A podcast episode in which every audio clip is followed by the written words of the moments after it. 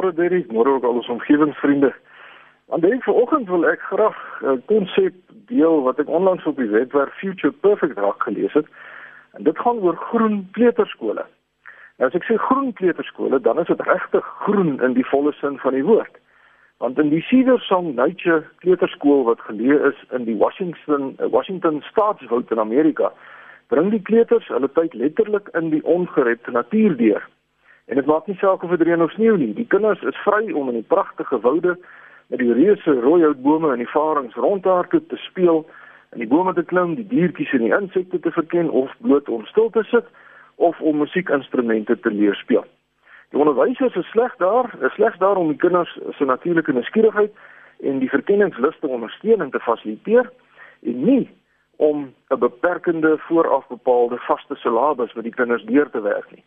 Die ontstaansrede agter hierdie kleuterskool is om die band tussen die kinders en die natuur te vestig en te koester sodat hulle na mate hulle nou ouer word 'n fyner aanvoeling en 'n groter bewussyn vir die welstand van die omgewing sal hê. Mense wat van die natuur afgesny is, geen gee byvoorbeeld nie soveel om as die Amazone reënwoud nou afgekap word of 'n stuk ongerepte veld verwoes word uh, vir 'n mynbou aktiwiteit nie, want hulle het groot geword in die kunsmatige mensgemaakte gerief van huise, motors, kleuterskool, klaskamers, sandputte en eysterklimrame. So hulle is nou nie naaste by so bewus van die natuur as kinders wat nader aan die natuur groot word nie. Nou by die Cedersong kleuterskool is dinge heeltemal anders as waaraan ons gewoond is. Die kleuterskool bestaan uit 5 hektaar ongerepte woud wat natuurlik deeglik en goed omheind is. En ouers laai hulle kinders wat tussen 2 en 6 jaar oud is in die oggend af by die hek en die groep kinders stap dan saam met die onderwysers in 'n kampterrein in waar daar 'n lapa is met 'n vuurherd Daar's emmertjies, grafies, musiekinstrumente en vergrootglase. En dis dit. Daar's geen ander speelgoed nie. Die kinders maak staat op hulle eie kreatiwiteit in die natuur, want soos die seisoene wissel, sien hulle wanneer die nuwe plante opkom en hulle kan die hele lewensiklus van al die verskillende spesies plante, diere, insekte, voëls en reptiele in die woud eerstehands dag vir dag waarneem. Daar's geen geboue of klaskamers of speelgoed of klimrame op die terrein nie, maar slegs 'n toilet en dan die lapa met stoorplek vir kos, ekstra klere en dan ook noodvoorrade. As die kinders koud kry, dan trek die onderwysers hulle bloot 'n bietjie warmer aan en as dit begin reën, dan trek die kinders reënjassies aan en gaan voort om in die modder te speel en hulle bou vir hulle skuilingkies in die woud. Uh, hulle bou die skuilings van stokkies en blare in plaas van met plastiek blokkies. Hulle karretjies is slakke of torre of wurms. Hulle glybane is gladde uh, modderige stukke teen 'n hang af en hulle swembaddens is poeltjies in die bergstroompies.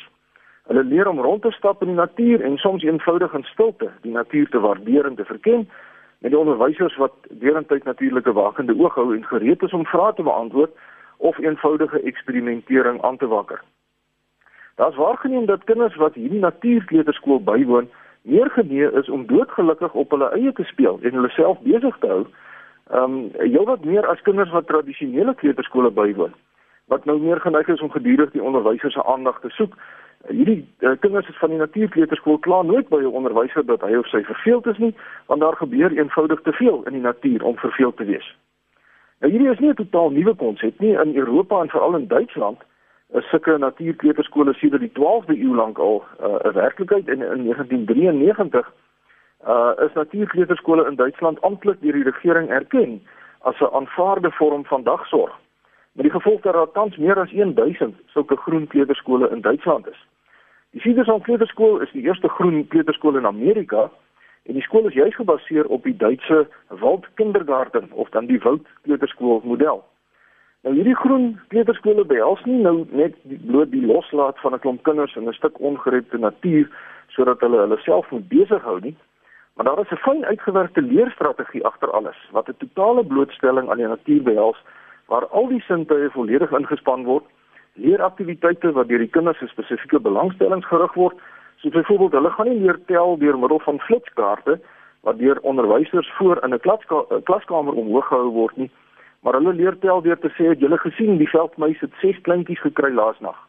Of daar het vanoggend 9 nuwe blomme oopgegaan aan een of ander soort struik en dan leer hulle sommer die naam van die struik en sy funksie in die ekostelsel ook uh, ken of die drie eiertjies van die ringnek visant het verlede nag uitgebroei. Op voedkundige terme, soos plekgebaseerde fokus en autentieke speelaktiwiteite, binne 'n oorhoofse uitkoms van ongestruktureerde vrye tyd leeraktiwiteite in die natuur met die doel om 'n diep intieme en persoonlike verbintenis met alle aspekte van die ekostelsel te vestig, kom in die dokumentasie voor wat die onderwysers moet byhou. En nie formele assesserings word deurentyd gedoen sodat gereelde verslae aan ouers gegee kan word oor die vordering van hulle kinders. Die kinders kry nie slegs daaglikse wetenskap en biologie lesse nie, maar hulle leer ook om die kalmte, die stilte en die rus wat 'n mens slegs in die ongerepte natuur kan vind te waardeer en te koester. Die onderwysers word intensief opgelei aangesien daar nie 'n vooraf bepaalde vaste kurrikulum is nie, maar die leeraktiwiteite word deur die kinders se belangstelling en ontdekkings gelei. Wat natuurlik hoë eise aan die kreatiwiteit van onderwysers stel want hulle moet deurentyd die nodige kennis en vaardighede aan die dag lê oor die spesifieke onderwerp waarmee die kinders dan nou besig is sodat hulle die uh, in staat is om al die vrae van die nuuskierige kindertjies te kan beantwoord en ook om hulle belangstelling verder te prikkel deur eenvoudige eksperimentjies of data-insamelingsmetodes aan die kinders te leer soos byvoorbeeld om elke dag te gaan kyk en aan te teken hoe vinnig die baba voeltjies nou groei en op die hoeveelste dag hulle die eerste keer probeer vlieg het en so aan. Ek dink dit is 'n absoluut uitnemende konsep as mense dit op die regte wyse aanpak En as van ons omgewingsvriende hierdie tipe kleuterskole in ons pragtige land wil wil vestig, kan jy gerus op die internet gaan kyk na die American Forest Kindergarten Association waar riglyne en standaarde gegee word en waar u in aanraking kan kom met wildkleuterskole onderwysers in ander lande waar sulke kleuterskole nou reeds gevestig is. En daarmee sluit ek nou af vanoggend. Skryf gerus vir my by kobus.vanderwalt by nwu.ac.za of kyk op Facebook se omgewingspraatjiesblad vir meer besonderhede. Vriendelike groete tot 'n volgende keer. So gesels ons saam met professor Kobus van der Walt Noordwes Universiteit. As jy wil kontak maak, e-pos is kobus met 'n k, kobus.vanderwalt by nwu.ac.za. En dan ook op Facebook is daar 'n groep met die naam van Omgewingspraatjies, die meervoud. Gaan sluit aan en jy kan die inligting ook daar kry.